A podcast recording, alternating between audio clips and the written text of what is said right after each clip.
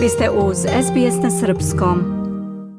Izvršna direktorka Optusa Kelly Bayer Rosmerin podnela je ostavku na tu poziciju, saopštio je u ponedeljak Singapore Telecommunications, matična kompanija australijskog pružaoca telekomunikacionih usluga. Njena ostavka usledila je kao posljedica potpunog prekida mreže 8. novembra, zbog kojeg je više od 10 miliona pretplatnika Optusa i nekoliko stotina hiljada preduzeća i državnih službi na više od 12 sati ostalo bez telefonskog signala i pristupa internetu. U saopštenju objavljenom u ponedeljak, Bayer Rosmerin je istakla da joj je bila čast da radi kao izvršni direktor, ali da je sada odgovarajući trenutak da se povuče sa te pozicije.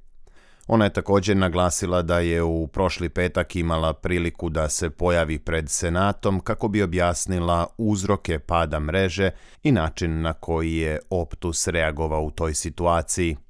Tom prilikom sam istakla opredeljenost Optusa da povrati poverenje i nastavi da služi svojim klijentima. Pošto sam imala vremena da razmislim o svemu, odlučila sam da je moja ostavka u najboljem interesu daljeg rada Optusa, rekla je Kelly Bayer Rosmerin. U zvaničnoj izjavi također je istakla da je ponosna na mnoga dostignuća kompanije i izrazila je zahvalnost na podršci Optusovom timu kao i izvršnom direktoru Singtel grupe Yuen Kuan Moonu i njegovim saradnicima. Povodom ostavke najviše službenice Optusa oglasio se i prvi čovek Singapore Telecommunication grupe Yuen Kuan, ističući liderstvo, posvećenost i naporan rad Rosmerinove tokom izazovnog perioda. On je rekao da razume njenu odluku i istakao da je Optus fokusiran na put obnove. Prepoznajemo potrebu da Optus povrati poverenje korisnika dok naš tim radi na otklanjanju uticaja i posljedica nedavnog prekida rada. Na događaje posljednjih nedelja gledamo veoma ozbiljno i nastavljamo da radimo na poboljšavanju, istakao je Moon. Inače, Singtel je posle ostavke Rosmerinove imenovao financijskog direktora Optusa Michaela Ventera za privremenog izvršnog direktora te kompanije.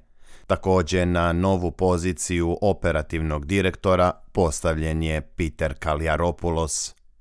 Dosadašnja izvršna direktorka odgovarala je u petak pred Senatom na pitanja o nezapamćenom kolapsu Optusove mreže. Ovaj prekid doveo je do problema velikih razmera, usled kojih mnogi trgovci nisu mogli da koriste svoje uređaje za beskontaktno plaćanje, a posljedice su osjetili i javni prevoz u pojedinim gradovima, kao i zdravstvene ustanove i mnoge državne službe. Kelly Bayer Rosmerin je priznala da je reč o nedopustivoj situaciji. As a business, we are nothing without our customers who put their faith in us. Kao biznis mi smo ništa bez naših korisnika koji su verovali u nas i nesporno je da ono što se desilo tog dana nije prihvatljivo. Izneverili smo vas i zbog toga mi je veoma žao, rekla je sada već bivša izvršna direktorka Optusa. Tokom saslušanja senatorka iz stranke zelenih Sara Hanson Young je istakla da se Bayer Rosmerin prvi put obratila širo javnosti tek šest sati posle pada mreže.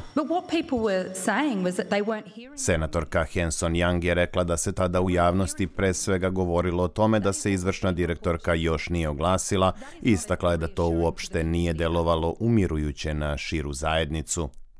Kelly Bayer Rosmerin se branila rečima da je zapravo neobično da se izvršni direktor uopšte pojavi tokom prekida rada mreže, jer bi javnost očekivala da je njen fokus na rešavanju problema. Uh, it's actually unusual for a CEO to appear at all during an outage because the public would expect that my focus is on... Zajedno sa izvršnom direktorkom pred Senatom se pojavio i generalni menadžer Optusovih mreža Lambo Kanagaratnam. On je priznao da kompanija nije bila spremna za ovako veliki problem. Nismo imali plan za takve razmere prekida rada. Bilo je neočekivano i to je svakako nešto zbog čega se obavezujemo da ćemo u budućnosti izvući pouke iz ovog kvara, rekao je Kangaratnam.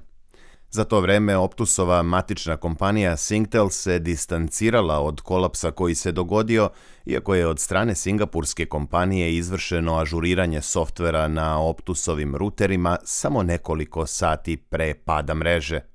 Međutim, i Kelly Bayer Rosmerin je priznala da je greška nastala od strane rutera.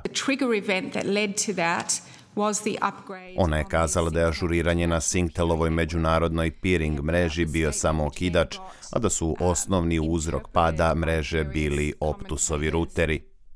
Drugom najvećem provajderu telekomunikacionih usluga u Australiji naročito se stavlja na teret da tokom pada mreže nije moglo da se ostvari čak 228 poziva hitnim službama na broj 3.0. Prema slovu zakona, Obaveza svakog pružaoca usluga je da svojim korisnicima omogući pozivanje policije, hitne pomoći i vatrogasaca putem druge telekomunikacione kompanije ukoliko njihova nije u funkciji. Bayer Rosmerin je tim povodom rekla da u Optusu ne znaju zbog čega nije bilo moguće uspostavljanje poziva i naglasila da ova kompanija jeste deo sistema pozivanja 3.0, ali da ga ne pokreće niti kontroliše. Senatorka Hanson Young nije prihvatila takvo obrazloženje, rekavši da je odgovornost na Optusu i pitajući se zar kompanija ne bi trebalo da plati kasnu za to. Senatorka Zelenih je posle ostavke Rosmerinove istakla i da Optus sada treba da povrati poljuljano poverenje i naglasila da će kroz istragu zahtevati jače i bolje regulative kako bi se osiguralo da sve telekomunikacione kompanije rade u interesu javnosti. What we now know is that it's up to the Optus board and the rest of Na Optusovom upravnom odboru i ostatku rukovodstva je da ispravi ove probleme i da jasno stavi do znanja građanima Australije da se ovakav prekid neće ponoviti, a ako ga i bude bilo, Optus mora da ima odgovarajući plan upravljanja rizikom i pravilnu komunikaciju sa svojim klijentima rekla je Hanson Young. Do sada Optus je za kompenzaciju kontaktiralo 8500 pretplatnika i preduzeća koji su zahtevali ukupnu odštetu od 430.000 dolara. Optus je isplatio 36.000 dolara, međutim Bayer Rosmerin nije mogla da kaže Senatu da li je novac isplaćen u gotovini ili u uslugama. Senatska istraga je za sada obustavljena, ali će Optus pred sudom javnosti imati izuzetno tešku borbu da se opravda i iskupi za propuste.